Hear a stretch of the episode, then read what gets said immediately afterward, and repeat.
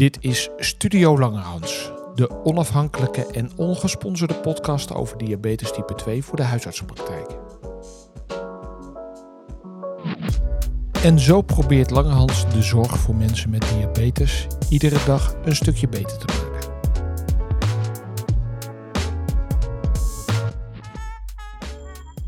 Welkom bij de tiende podcast van uh, Langerhans. Inmiddels, de, de, vorige podcast is opgenomen in Hamburg tijdens de EASD, maar nu zitten we weer gewoon in onze eigen Langerhans uh, studio.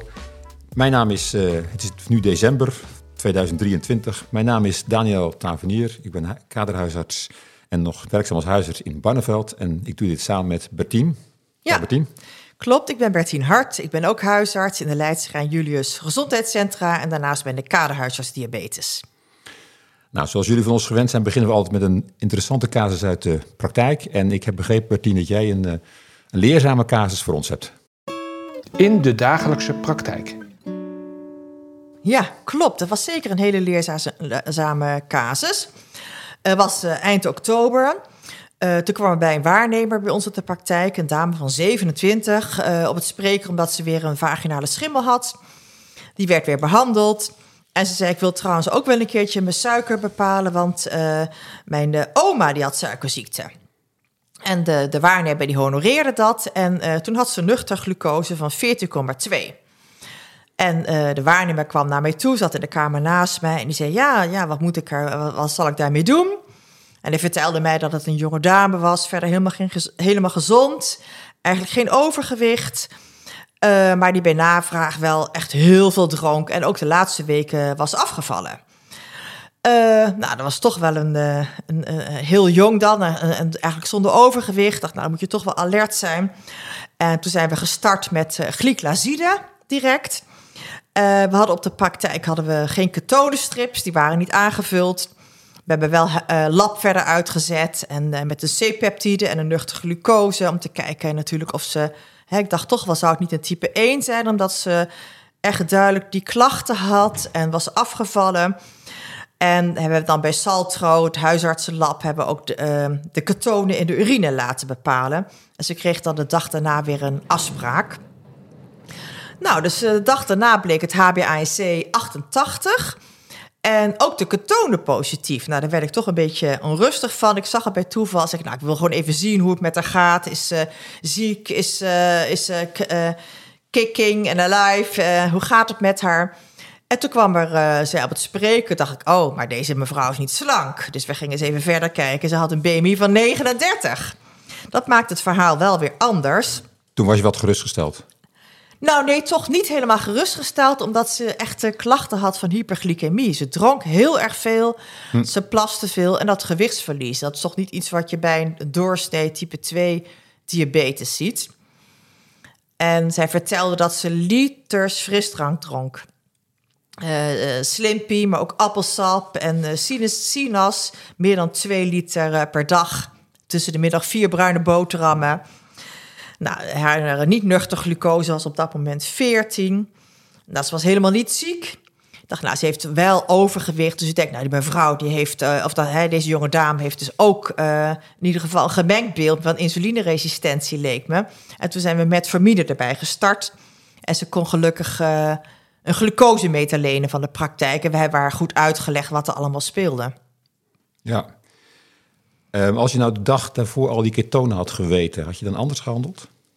Ja, ketonen positief, dan uh, moet je er wel alert op zijn dat ze echt een absoluut insulinetekort heeft en uh, de vetzuren aan het verbranden is, vet aan het verbranden is. Maar zij was ook al lang aan het vasten, want het was inmiddels was het al uh, die, hè, in, de, in, het begin van de middag. En ze had de avond daarvoor gegeten. Dus ik denk ook dat de ketonen daardoor positief zouden kunnen zijn. Ja. En ze was helemaal niet ziek verder. Ja. Dus het beleid was dan denk ik toch niet veranderd, nee. Nee, precies. En hoe was de reactie op die, op die? Ja, het daalde wel wat. En, uh, maar niet heel snel, maar ze bleef, uh, ze paste ook haar dieet aan. Dus ze stopte met al die frisdrank en ging gewoon water drinken en thee zonder suiker. En eigenlijk kwam al redelijk snel, na, na, een, uh, ja, na een week, kwam ook het C-peptide binnen. Uh, snel, snel, ja. ja. Meestal langer. Ja, precies. En we hadden, wanneer kwam het anti-GED? Dat kwam eigenlijk uh, zo'n tien dagen later binnen. En dat was positief. Aha, toen viel het kwartje. Ja, ja toen dacht ik, nou, dit is toch een type 1 die we eruit hebben gevist. En uh, daar was ik natuurlijk heel erg blij mee. En ja, dat komt eigenlijk door het, uh, het verhaal van die hyperglycemische klachten. En ik werd natuurlijk een beetje geholpen door het feit dat de waarnemer haar slank vond. Ja. Hey, had je nou nog overwogen om, toen je die ketonen terugkreeg met die hoge uh, uh, HbA1c en ook nog heel veel uh, klachten, om gelijk te starten met insuline? Dat Ja, had, dat had ook nog een optie kunnen zijn. Ja, dat was zeker ook een optie. Dus en zeker bij positieve ketonen. Maar er was dus heel veel winst te behalen met het stoppen van die liters eh, frisdrank met al die suiker. Ze reageerde al op de glyclaside. Ze begreep het goed. Ze was niet ziek. Ze had een eigen glucosemeter. En eh dan zijn we toch doorgegaan met de glyclaside en de metformine. Het daalde ook al wat. Maar vanaf het moment dat ze anti-GED positief was, zijn we diezelfde dag gestart met eh, insuline. Dat wel. Ja. Nou, je hebt eigenlijk het, eh, het, het mooie schemaatje uit ons boekje acute diabetes gevolgd, hè, wat dat betreft. Dus heel, heel snel weer terugzien naar je glycoside gegeven Ja. hebt en kijken wat de reactie is. En dan dat je weet dat je veilig verder kan. Eh, en niet inderdaad iemand in een ketoacidose. Ja, ze was natuurlijk wel jonger, hè, waardoor je sowieso onder de 40 jaar al heel alert erop bent Ja. dat het. eh, Klopt. Had dat, anders dat waar, zijn. ja. Je Ja. zelfs nog jonger. Ja. Nou, wat we ook hadden gedaan is natuurlijk wel eh, was leuk. We hebben de HOMA calculator gebruikt, de calculator. waarbij we nuchter glucose en C-peptide hadden ingevoerd. Wat is dat precies, die HOMA? Ja, dat is een. Dat is een eh, daar is net een artikel over verschenen in Huisartsen Wetenschap. eh, van Jaap Kroon, Anne, en de kaderhuisarts diabetes, Anne-Margreet Krijger en Nicole eh, Snoeren. Dus een kaderhuisarts diabetes ook. Dat is een calculator ontwikkeld in het Verenigd Koninkrijk. Waarbij je kunt kijken wel, welk probleem nou overheerst bij iemand met type 2 diabetes. Je weet natuurlijk dat hè, er speelt een insulineresistentie bij het merendeel van de eh, type 2 eh, mensen. Maar er is natuurlijk ook sprake van eh, een, een minder goed functionerende beta-cel. En bij de ene patiënt zal het meer de insulineresistentie zijn, bij het merendeel van de type 2 diabetes mensen natuurlijk. Maar bij een ander deel zal het vooral de beta-celdysfunctie Ja. zijn. En in die calculator, als je dat invoert, dan, dan, dan berekent hij welke eh, factor het meest bijdraagt aan de diabetes op dat moment. Ja, en dan heb je nodig de nuchtere glucose en het C-peptide op Ja. hetzelfde moment. Maar is dat ook de reden dat je C-peptide hebt laten meten? Of is dat een boodschap die je mee wil geven dat eigenlijk iedereen dat zou moeten meten? Of zeg je nee, Nee. dit moet echt wel, ja, daar moet je wat feeling voor hebben of daar. Hoe, hoe, hoe kijk je daar tegenaan? Nou, ik denk dat je niet eh, zelf als huisarts of als POH die HOMA-calculator eh, iedere dag in moet gaan zetten of bij iedere nieuwe diabetespatiënt. Ik denk dat je vooral moet luisteren naar het verhaal en het klinisch beeld en dat je dat al voldoende helpt. Eh, maar dat het een instrument is wat kan wel bij, bijdragen aan meer gerichte behandeling, wat ze ook in het artikel zetten. En dat zou ik dan samen doen met een kaderhuisarts diabetes. Ja, doe een overleg dan. In overleg, ja. ja. Dan, dan kan het wel bijdragen aan een meer gerichte behandeling. Ja, je doet, je doet het eigenlijk als je er niet helemaal uitkomt, als je onzeker bent en dan in overleg met. En voor de rest moet je vooral wat ik van je hoor, varen op je klinisch beeld. Ja, Eh, wat, wat bij deze patiënt dan het verwarrende is dat hij ook nog eens een keer overgewicht heeft. En dat is misschien ook wel de waarschuwing dat onze type 1 patiënten ook gewoon overgewicht kunnen hebben. Ja, precies. Maar bij deze calculator eh, gebruikte ik ook om mijn vermoeden te bevestigen dat het vooral beta-cel probleem was. En dat kwam er ook uit. Ze had nog maar 12% beta-celfunctie.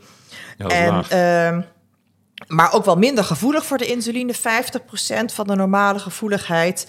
Eh, maar de- eh, eigenlijk was er nog niet heel duidelijk sprake van insulineresistentie. Het was echt de beta-cel die- wat haar hoofdparten speelde. Ja. ja. Oké, nou interessante casus. Ja, en ik denk dat ja, het leermoment is inderdaad dat je goed moet opletten op het klinisch verhaal, het klinisch beeld. En eh, dat we een mooi schema hebben gemaakt bij uh, Langehand, wat in het boekje staat. Maar wat ook heel belangrijk is om uh, na te gaan en je te realiseren, is dat gewoon ook mensen met type 1 diabetes overwegend dikker worden. Ja. Want dit is een jonge dame met type 1 diabetes, maar een BMI van 39. Iedereen wordt zwaarder.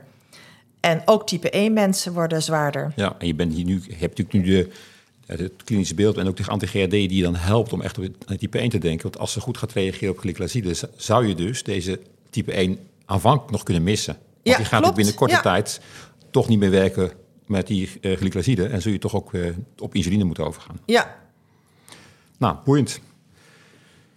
Um, zeker. Ja, dan volgens mij hebben we dan onze volgende rubriek. Dat is uh, onze gast uh, uh, spreker die we gaan bellen. Dat is Robert van der Graaf, verslavingsarts. Um, ik denk dat we die maar eens moeten gaan bellen. We gaan het met hem vooral hebben over een wat ander onderwerp. Dat is over zitverslaving. Ja, ik denk dat dat een heel relevant onderwerp is en heel mooi aansluit bij deze casus. Zeker, want deze patiënt zal zeker ook moeten gaan bewegen. Ja, ja. leuk. Bellen met een diabetes-expert. Met Robert van der Graaf. Dag Robert, met Daniel Tavenier. Welkom in onze podcast vandaag. Uh, we hebben jou gevraagd omdat je verslavingsarts bent. Nou, we kennen, we kennen natuurlijk verslaving van uh, alcohol en drugs en roken. Maar ik begrijp dat jij ook nogal het een en ander te vertellen hebt over zitverslaving. Misschien kun je eerst even uitleggen wat je precies bedoelt met zitverslaving. Ja, ja uh, zitverslaving uh, is een term die al langer af en toe gebruikt wordt. Ehm, ik, ik, spreek liever van een stoornis in een stoelgebruik. Dus in het gebruik van een, uh, van een stoel. Okay. net als we het hebben over een stoornis in het gebruik van alcohol of tabak. Ja. Uh, dat is eigenlijk een beetje de, de, zoals we het nu doen. Uh, in het Engels zou je kunnen zeggen de chair use disorder hè, of tobacco use disorder. Uh, en in spreektaal zou je dat dan zitverslaving kunnen noemen. En is dat dan wat anders als bewegingsarmoede? Of het, we praten eigenlijk over hetzelfde? Ja, nou, kijk, we, we weten uh, dat uh, het lichamelijk inactief zijn, dat dat ehm, eigenlijk iets anders is. En zeker een andere losse risicofactor voor allerlei gezondheidsproblemen. Maar het is dus een andere factor dan sedentair gedrag. En er zijn allerlei intelligente mensen bezig om, om, om dan te bedenken wat is dan precies sedentair gedrag en waar komt het door en wat is bewegingsarmoede en waar komt het door en wat moeten we eraan doen. En ik ben maar een simpele verslavingsarts en ik, ik, op een gegeven moment dacht ik van ja, wat is nou eigenlijk de essentie van, van dit probleem? Waarom bewegen we te weinig en waarom zitten we te veel? Zou dat niet uh, weer, net als heel veel andere dingen consumentengedrag zijn. Namelijk het gebruik van een luie stoel in combinatie misschien met een beeldscherm uh, en een zak chips en een biertje. Uh, uh, dus, ik, dus zo ben ik uiteindelijk op die stoel terechtgekomen. want, want dat, als je het hebt over verslavingen, dan gaat het over aangeleerd gedrag en dan in het bijzonder consumentengedrag. Ja. Dus het gebruik van een sigaret. Dat is ook een consumentenproduct. Ja. Uh, of een zak chips. Nou, in, dit, in dit geval heb je het dus over een, een, een, stoel die we te veel gebruiken en op zo'n manier gebruiken dat het ons uh, in de problemen brengt. Ja. Nou, dan heb je het over verslaving. En je hebt het over, uh, dat is duidelijk, je hebt het over uh, te veel zitten. Maar wanneer zit je te veel? Kunnen wij nog zitten het spreekuur doen? Bij hoeveel uur spreek je van per dag zitten, spreek je van een zitverslaving? Nou, ik heb het dus dan uh, uh, over te veel uh, gebruik van een stoel op de manier waar stoelen voor bedacht zijn. En dat is dan, dan zitten, want je kan het ook op andere manieren gebruiken. nou, we weten niet precies waar nou die gezonde norm en in die afkappunten zitten. Dat zie je zitten. Ja, dat zie je ook in de, de beweegrichtlijn. Daar, daar, zijn allemaal normen van wanneer ben je lichamelijk actief genoeg of ben je inactief. Zoveel minuten uh, wandelen, dat soort dingen.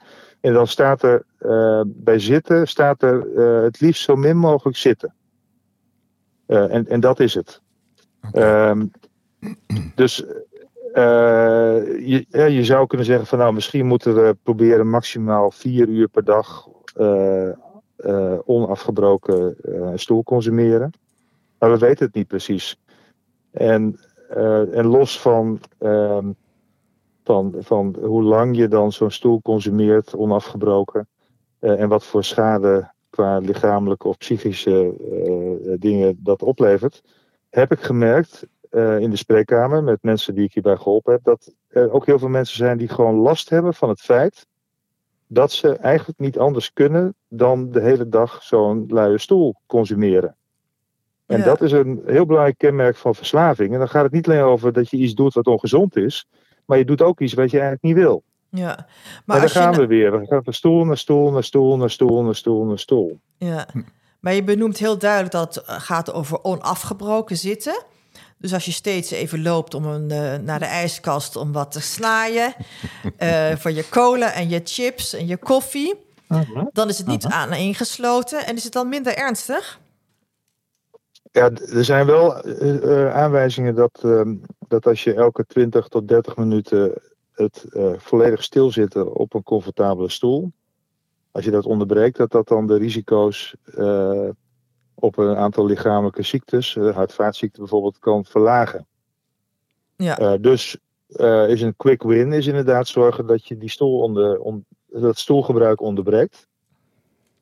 Eh, dus dat is een hele praktische die ik zelf ook toepas. ja, Eh, en, dat, en dat is vaak al lastig genoeg, hè? want je, je bent met andere dingen bezig. En je zit heerlijk, dus je merkt dat ding helemaal niet. En voor je het weet ben je weer een uur verder. ja, ja. En als, Eh, als die patiënt dan die tegenover je zit nou vraagt van hoe doe ik dat praktisch, wat zeg jij dan? Ehm, nou, veel patiënten die, die roken ook. Eh, dus dan geef ik ze bijvoorbeeld mijn stoppen met roken boek. In elke roker zit een stopper. En dan zeg ik van, eh, die kan je lezen, maar je kan hem ook onder je kont zetten. Voor je gaat zitten. Voor, eh, want dan zit je eigenlijk op een oncomfortabel oppervlakte. En na 15, 20 minuten dan merk je wel van, ik, ik, dit, dit, dit hou ik niet meer vol.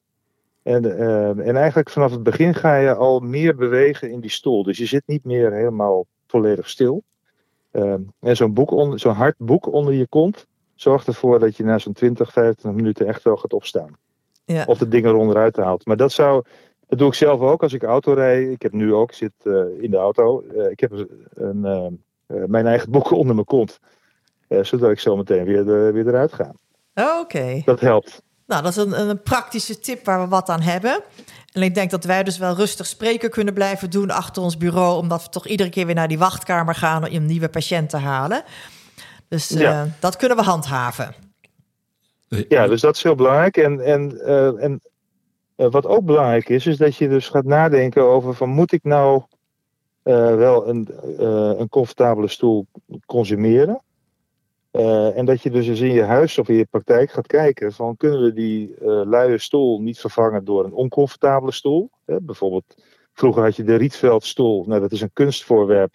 Maar dat is eigenlijk bedoeld om op een gezonde manier te kunnen zitten op een stoel. Ja, Hè, maar dan zie je dat dat, dat, ja, dat, dat wordt geen massaproduct, want eh, het zit gewoon niet lekker.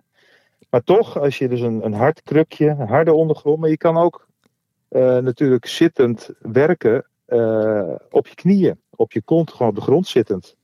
Eh, je kan gehurkt, kan je, kan je dat doen. Je kan staan. Hè? We zien vaak staan als alternatief van zitten, maar dat is natuurlijk niet zo. Eh, je kan prima op heel veel manieren. er zijn heel veel gezonde manieren van zitten. ja, net zoals op je knieën, op één knie, eh, gehurkt. Nou, en ga zo maar door. Ja, bij, Eh, bij wie moet je nou specifiek in gaan zetten op dit soort zaken? Want ik kan me voorstellen iemand die eigenlijk verder gewoon slank is en niet, geen overgewicht heeft en eh, eh, regelmatig sport, dat je daar misschien wat minder st- strak hierop inzet dan wanneer iemand al fors overwicht heeft, misschien al diabetes heeft. Kun, je daar iets over zeggen? nou, ik zou het bij iedereen doen. Dat is zo'n groot maatschappelijk probleem. En ook iemand die toevallig slank is en er goed uitziet en, en, en dat voor elkaar krijgt op wat voor manier dan ook. Eh, die heeft wel mensen om zich heen. Eh, misschien wel kinderen. Eh, en als je dan toch eh, de hele dag eh, op die bank hangt en een stoel consumeert en van stoel naar stoel gaat, dan leer je ook kinderen die van nature echt niet geboren worden als stoelgebruiker. Die leer je dus om dat ook te doen. Dus zien, zien stoel gebruiken, zien zitten doet zitten. Ja. Net als zien roken doet roken. Dus Ja. dat is al heel belangrijk. Dus het is een. Ik, zou zeggen, eh, eh, net als we met roken doen, eh, het, het basisadvies aan iedereen moet zijn: rook niet. En zeker niet in de buurt van kinderen. Als je het dan toch per se wil, doe het Ja. dan stiekem. En bij stoelen hebben we niet een, een nulnorm. En dat is praktisch vaak ook niet mogelijk, al is het maar een auto. Maar maak dan alle stoelen die je consumeert oncomfort- zo oncomfortabel mogelijk. ja. Want dan ga je het onderbreken. Nou, dankjewel Robert. We hebben een Dank hele je. korte tijd eh, veel nuttigs van jou gehoord, waar we zeker wat aan hebben in de dagelijkse praktijk. Wij gaan snel weer staan. Want wij, zitten, wij zitten Ja, of, op de, of op de grond zitten of, eh, of zet Ja. een boek onder je kont. Ja. prima. ja, helemaal goed. Dankjewel. Zeer bedankt. goed, graag gedaan. Doei, Ja, doei. dag. Nou, Dus we moeten eigenlijk ander meubilair gaan aanschaffen. ja, precies. Nou, ik denk dat er nuttige tips in zitten die we zeker kunnen gebruiken. Ja, Gewoon heel vaak even een glas water halen, even lopen. Dat scheelt al veel, denk ik. ja Maar ik ga niet mijn stoelen vervangen thuis. Nou, ik denk het ook niet. Ik denk ook dat het voor de POH, als ze nou de patiënten moet gaan uitleggen dat ze al, al moeten gaan doen en dit er nog bij krijgen, dat dat wel heel lastig gaat worden. Ja. Dus de praktische uitvoering vind ik best nog wel een dingetje. Ja. Maar hij heeft natuurlijk absoluut een punt dat er gewoon Ja, te veel gezeten wordt en daardoor eh, dat, dat, wat dat, dat het ongezond is. ja. Nou, dan gaan we nog even naar eh, literatuur van de afgelopen maand kijken samen. Diabetesnieuws uit de bladen. Daniel, de literatuur. We hebben Huisarts en Wetenschap, het MTVG, weer gelezen. Jij had een eh, interessant artikel gelezen. Ja, vers van de pers. En dat sluit ook heel mooi aan bij het eh, onderwerp wat we net eh, gehoord hebben bij, bij Roberts. Dat was een artikel uit Huis en Wetenschap, heel recent. En dat heet Elke stap telt. Dat artikel is een kort samenvatting, een verslagje van een review die verschenen is in een ander blad. En dat ging erom dat al met een beperkt aantal stappen per dag je al een fors risico hebt van je totale sterfte. En, eh, Risicoreductie bedoel je? Risicoreductie, sorry, heel goed gezegd. Ja. Ehm, elke toename van 1000 stappen boven de 4000 die als een soort basis wordt aangegeven, zou nog een verdere reductie geven van 15%. Dus dat, is, dat zijn forse getallen. Ik heb, ben even in het artikel gedoken wat eronder lag. En dan zie je eigenlijk dat inderdaad vanaf zo, rond de 3000 stappen zelfs al eh, het, het begint, die risicoreductie. En dat dat met een niet-lineaire lijn, in eerste instantie neemt het wat sneller toe en daarna plat het af. Eh, nou, we weten allemaal, we zeggen allemaal die 10.000 stappen. Ik denk dat, als, dat dat een mooi streven is, maar de boodschap kan zijn dat als je mensen in beweging krijgt, dat dat in ieder geval al eh, Ja, heel goed helpt om je risico te verminderen. en dit lijkt ook een hardere evidence dan die 10.000 stappen waar we het allemaal steeds over hebben. Ja, die 10.000 is ooit gewoon verzonnen door een Amerikaanse fabrikant van eh pedometers. Ehm, en dat was nooit op iets wetenschappelijks gebaseerd. Maar als je de wetenschappelijke literatuur bekijkt, dan is het wel zo dat tot 10.000 stappen de, de reductie nog steeds wel toeneemt. Daar zit, begint ongeveer dat plateau. Ja, ja. Nou, mooi. En jij? Ja, ik had ook een eh, leuk artikel gelezen. Heel veel leuke artikelen, maar eentje leek me relevant om hier even te bespreken. Dat is een artikel in het Nederlands Tijdschrift van Geneeskunde van onder andere Erik Sené en Richard IJzerman. eh, die ook betrokken zijn bij de richtlijnontwikkeling van de internisten en van het Nederlands Huisartsgenootschap. We zijn namelijk op het moment bezig met een revisie van het eh, stappenplan voor de mensen zonder zeer hoog risico. En het is heel moeilijk wat je dan moet gaan doen en wat dan de beste tweede stap zou zijn. En hier gaat het ook over dat metformine eigenlijk gewoon ja, nog steeds op stap 1 bestaat. En dat stap 2 lastig is, moet je dan toch ook wel gaan kiezen voor meer risicoreductie. Ehm, maar wordt dan niet de number needed to treat heel hoog? Nou, daar gaat dit artikel eh, gaat daarover aan de hand van literatuur die zij bestuurd hebben, eh, bestudeerd hebben. Maar het is natuurlijk belangrijk dat we met elkaar stil gaan staan. Hoe we dat moeten doen. Zeker ook nu er een nieuwe richtlijn is, de multidisciplinaire richtlijn over obesitas. Waar natuurlijk de leefstijl heel belangrijk is, maar waar ook medicamenteuze stappenplannen in staan. En het zou mooi zijn als we dat een beetje kunnen integreren met elkaar. Dat het dus hè, mensen met diabetes niet een hele andere richtlijn hebben dan de mensen met obesitas, omdat het natuurlijk altijd samengaat. Dus het is een interessant artikel. Hier doen, houden ze een pleidooi ook voor de GLP-1-receptenagonisten hoger. En eh, nou, ik ben benieuwd wat het gaat worden. Ja, nou, het, volgend jaar volgens mij komt er een update. Ja, Dus nou, dat eh, is al binnenkort inmiddels. precies. Goed. Nou, leuke artikelen, denk ik. Ehm, dan gaan we nu naar het volgende puntje, dat is Martin. We hebben iedere uitzending ook altijd een casus van het forum. Dus ik ben benieuwd wat Martin ons eh, deze keer eh, te bieden heeft aan een interessante casus. Ja, Opvallende dingen van het forum. Goedemorgen met Martin. ha, Martin. Dag Martin. Spreekuur Ja, klaar, begrijp Dag ik. Daniel. Ja. Ja, ja. Heb jij Net nog een, eh, voor ons misschien nog een mooie casus van het forum? Of misschien wel uit je eigen praktijk? We zijn benieuwd. Eh, zeker, zeker. Nou, het forum is een beetje ehm, rustig. Dat wil zeggen, ehm, het loopt allemaal lekker door. Inmiddels 13.500 eh vragen beantwoord door Jan Westerink en mij. En Waanzinnig. onze voorgangers. Waanzinnig, hè? Ehm, maar ik had inderdaad een, een casus uit mijn eigen praktijk, dat wil zeggen uit mijn eigen zorggroep. En ehm, dat eh, gaat over een 40-jarige Hindoestaanse man. Die eh, sinds twee jaar bekend is met, eh, met diabetes type 2 en een forse dyslipidemie, dus hoge vetten. Is daarvoor ook bij de internist geweest. Want die man heeft niet zomaar een beetje hoog cholesterol. Die heeft een cholesterol van 20. Waanzinnig. En een, ja, dat is, ik dacht eerst de komma staat er verkeerd, maar dat is het niet zo. Cholesterol van 20. Nou, LDL wordt bij ons berekend, dus dat kan dan niet. En een triglyceride van 72. Ja, dat is toch niet normaal. Zo. Dat is, eh, dat is eh, nee, dat, ik dacht ook echt dat dat moet overbepaald worden, maar het is dus echt zo. Geen komma-probleem. En Nee.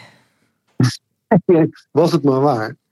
En ehm, toen bij ontdekking had hij een eh, HbA1c van 44, dus dat viel eigenlijk eh, heel erg mee. Met een nuchter glucose van 6,7. Dus dan, zijn diabetes was eigenlijk toen eh, bij ontdekking, eh, je zou bijna zeggen, helemaal geen diabetes. Maar goed, eh, er is toch wel de diagnose afgegeven. Kennelijk wel een paar keer wat verhoogde waarde. En ehm, hij is gestart uiteraard met metformine.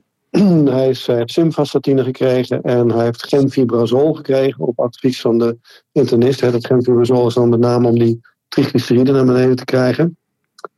Maar meneer heeft een hekel aan, eh, aan, eh, aan pillen slikken. Dus hij is eh, gestopt begin dit jaar met al zijn medicatie.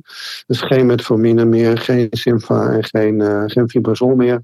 En ja, dan zie je dat de boel explodeert. Nou, de cholesterolwaarde heb ik al genoemd. Maar zijn HbA1c is ook in die twee jaar van 44 naar 88 gestegen. Dus ehm, ja, slechte compliance helaas. En ehm, ehm, mijn collega die zei, ja, ik, wat moet ik nou met die man? Ehm, zou hij niet een goede kandidaat zijn voor een GLP-1? Met zijn eh, BMI van 33 en een HbA1c van 88. Nou, dat was ook wel een interessante vraag. Ja. Ik dacht, wat zouden jullie doen in zo'n geval? Nou, we- Hoge, hoge BMI, 33,5. nou ja, op zich... Op zich Ontregelde glucose. Dat, dat, dat is allemaal prachtig, maar waar je natuurlijk, eh, die, die triglyceride is wel een, eh, wel een mega probleem. Ehm, niet zozeer voor eh, zijn diabetes misschien direct, maar ook omdat hij een ti- een pancreatitis eh, als risico loopt. Maar wat ik me even afvroeg, even nog terug te grijpen, Martin. Was deze man door de internist op Simva en gemfibrozil gezet met hoog triglyceride? Want, Ja. Oké. Ik, Ja, ik zou verwachten eh, dat er iets agressiever was ingegrepen, maar goed. Ja. Ja, ik, ik kan niet helemaal terughalen of het nou ehm, telefonisch overleg is geweest met de huisarts of dat hij ook gezien is daar. Oké. Eh, dat, eh, dat maakt het dossier niet duidelijk. Maar goed, dat is even ik, zijstraatje dat hoor. vond ik ook al. Dat, na, ja, nee, dat vond ik ook. Ja. Eh, Maar maar Daniel inmiddels die suggereert dus... Ja, Daniel suggereert dus dat het, sorry, dat het een, eh, hè, niet verstandig is misschien een GLP-1 receptoragonist te geven van, in verband met zijn hoge triglyceride. En eh, hij had toch wel een hoog risico dat hij een eh, pancreatitis zal gaan ontwikkelen, alleen al op basis van de triglyceride. En dat is natuurlijk ook nog wel Ja. beschreven bij GLP-1 receptoragonist. Dus wij zouden dat eh, allebei niet doen. En ik neem aan dat dat ook niet jouw Nee. advies geweest is. Precies, precies. Mijn advies was van dat moet je niet doen. Het risico is misschien niet zo heel erg hoog. Maar deze man heeft natuurlijk a priori al een gigantisch risico op het ontwikkelen van Ja. pancreatitis. En als je er ook nog een keer GLP-1 bij doet, dan, ehm, ja, dan verhoog je dat risico. Hoeveel hoger weet ik niet. Nou, hij heeft het ook niet gedaan. Twee weken later wordt deze man opgenomen met inderdaad een fulminante pancreatitis. En hij ligt nog steeds op de IC. Jongen, jongen. Nou, stel je nou voor, dat, je- ja, dat is niet niks. Eh, en het is maar de vraag natuurlijk hoe dat allemaal af gaat lopen. Maar stel je voor, je zou toch een GLP-1 hebben toegediend, dan had je natuurlijk wel een vet probleem gehad. Hè? Ja. Dan had je als dokter eh, een bijwerking misschien geluxeerd. En ik, ik denk nog steeds dat 90% van zijn risico is natuurlijk gewoon zijn mega hoge triglyceride. Eh, en gelukkig hebben we dus geen, eh, geen GLP-1 ingezet. Dus ik denk, ja, weet je, ook die lage risico's, blijf goed naar die bijwerkingen kijken. En, ehm, en eh, ook bij geringe twijfel gewoon niet doen. Ja, Zeker ja. niet als huisarts. Ja, je zegt, eh, zegt- Je zegt het netjes, geringe twijfel. Want dat is natuurlijk op zich wel een punt. Dit is, dit is extreem. Maar je hebt natuurlijk eh, alle, alle type Ja. 2 patiënten hebben een eh, hoog tri- triglyceride over het algemeen. Eh, dus, eh, en het werkingsmechanisme van een pancreatitis door een GLP-1 en het werkingsmechanisme door een triglyceride, verhoogd triglyceride is, is anders. Maar misschien wel aanvullend als het gaat om het risico. Maar het is een, een ander, een ander soort mechanisme waardoor je pancreatitis krijgt. Maar waar, waar zou je dan het afkappunt leggen? Heb je, heb je daar een suggestie voor? Is er überhaupt onderzoek naar gedaan? Nee, ehm, ik weet dat eh, er zijn dat volgens mij wat dierexperimentele onderzoeken dat als je een GLP-1 geeft, dat de, eh de acinie, dus de, de, de, de kliertjes die eh, de, de exogene pancreas, hè, de pancreas enzymen maken, dat die ook wat hyperplastisch worden. Dat die Ja, wat groter, ja, dat wat dikker worden. Ja. En dat je daardoor dus wat meer risico hebt dat die, dat die eigenlijk dicht gaan zitten. En dus je, ja, je enzymen dus niet meer die pancreas uit kunnen en uiteindelijk die pancreas kapot maken. Voor mij is dat Nou, alleen eh, dierexperimenteel onderzoek. ja. Maar eh Maar bij triglyceride is dat, al- is dat anders, hè? terugkomen op jouw vraag, Daniel. Ja. Waar, waar zou jij het Ja, dus die afkappunt leggen? wat doen? Ja, kijk, een licht hoog triglyceride tot, tot 5 of zo lijkt me niet zo'n probleem. Ehm, maar hoger, dan zou ik op zijn minst dat overleggen met de tweede lijn. Ja. Ehm, nou eens- of misschien zelfs een keer doorsturen. Of misschien moet je dan wel ook aanvullende medicatie voor je triglyceriden hebben. Dat doen we niet onder een waarde van 8, hè, maar daarboven alleen als er iets gebeurd is. Ja. Ehm, dus als er een event geweest is, of als er een pancreatitisverhaal geweest is, ja, dan, maar dan zou ik überhaupt geen GLP-1 meer durven geven. Nee. Nou, Nou, is- dankjewel Martin. Ja, dank je. Het is eh, boeiend ook, zeker in Ja. deze tijd waarin we natuurlijk waarschijnlijk veel meer GLP-1's gaan voorschrijven, wordt dit probleem alleen maar steeds eh, eh, Ja, actueler. ja. Fijn dat Ja. je alert Ja, dus we was. kijken niet alleen naar werking. Ja, maar goed, dat, ik, ik dacht, ik gooi het ook even bij jullie eh, over de schutting. Wat zouden jullie doen? Want ze hebben alle drie dus wel ehm, iets van, hé, hey, hier moeten we niet aan beginnen. Ja. Dit is allemaal veel te tricky. Ja. Nou, dat, is, dat, dat, dat bewijst deze casus eh, helaas, zou ik bijna zeggen, ook Ja. wel. Helemaal goed. Dankjewel Martin. Dank je. Oké, succes hè, tot de volgende keer. Dag. Interessant om even dit, eh, dit zo te horen, want dat zijn toch, ja, je, kijkt vooral natuurlijk naar de, hoe, hoe de patiënt eruit ziet met een hoog BMI en een hoog Ja. risico dat je die GLP-1 gaat inzetten. En ik, ik, ik weet niet of iedereen wel zo netjes kijkt naar zijn triglyceridegehalte bijvoorbeeld om, om Nee, af te wegen. ik denk bij een, cholesterol van 20 en, en Ja, nee, dat, is, dat is helder. Maar dat, dan is het toch wel dat je heel alert bent en Nee. niet zomaar wat gaat doen, denk ik. Nee, dat maar- je toch wel een eh, minimale teleconsultatie eraan eh, waagt. Ja, exact. Maar kijk dus even naar triglyceride voordat je Ja. GLP-1 start. Dat zou een, een, een leerpunt kunnen zijn. En waar dan het afkappunt ligt, ja, dat weet Martin niet. Ik weet het ook niet hoor. Nee, nee. Oké. Ehm, nou, we gaan. eh, dit, was, eh, ja, dit was onze, onze podcast. Ja, dat was het tiende podcast, december 2023. En we gaan in eh, januari gaan we weer door met de volgende serie. Ja. Nou, het was leuk. Ja, Leerzaam. vond ik ook. Dankjewel. Dankjewel. En dan nog even dit. Wil je je kennis over diabetes bijhouden of oplussen en ben je werkzaam als huisarts of praktijkondersteuner of verpleegkundige? Dan ben je bij ons aan het goede adres. Langerhans verzorgt bijna dagelijkse nascholingen over diabetes voor de eerste lijn. Daarnaast hebben we een boekenreeks die het werk in de dagelijkse praktijk ondersteunt en makkelijker maakt. We zijn altijd bereikbaar via onze website diabetes2.nl. Stichting Langehans wordt gerund door kaderhuisartsen diabetes, diabetesverpleegkundigen en praktijkondersteuners. En Langehans werkt nauw samen met de DIHAG en het Nederlands Huisartsengenootschap.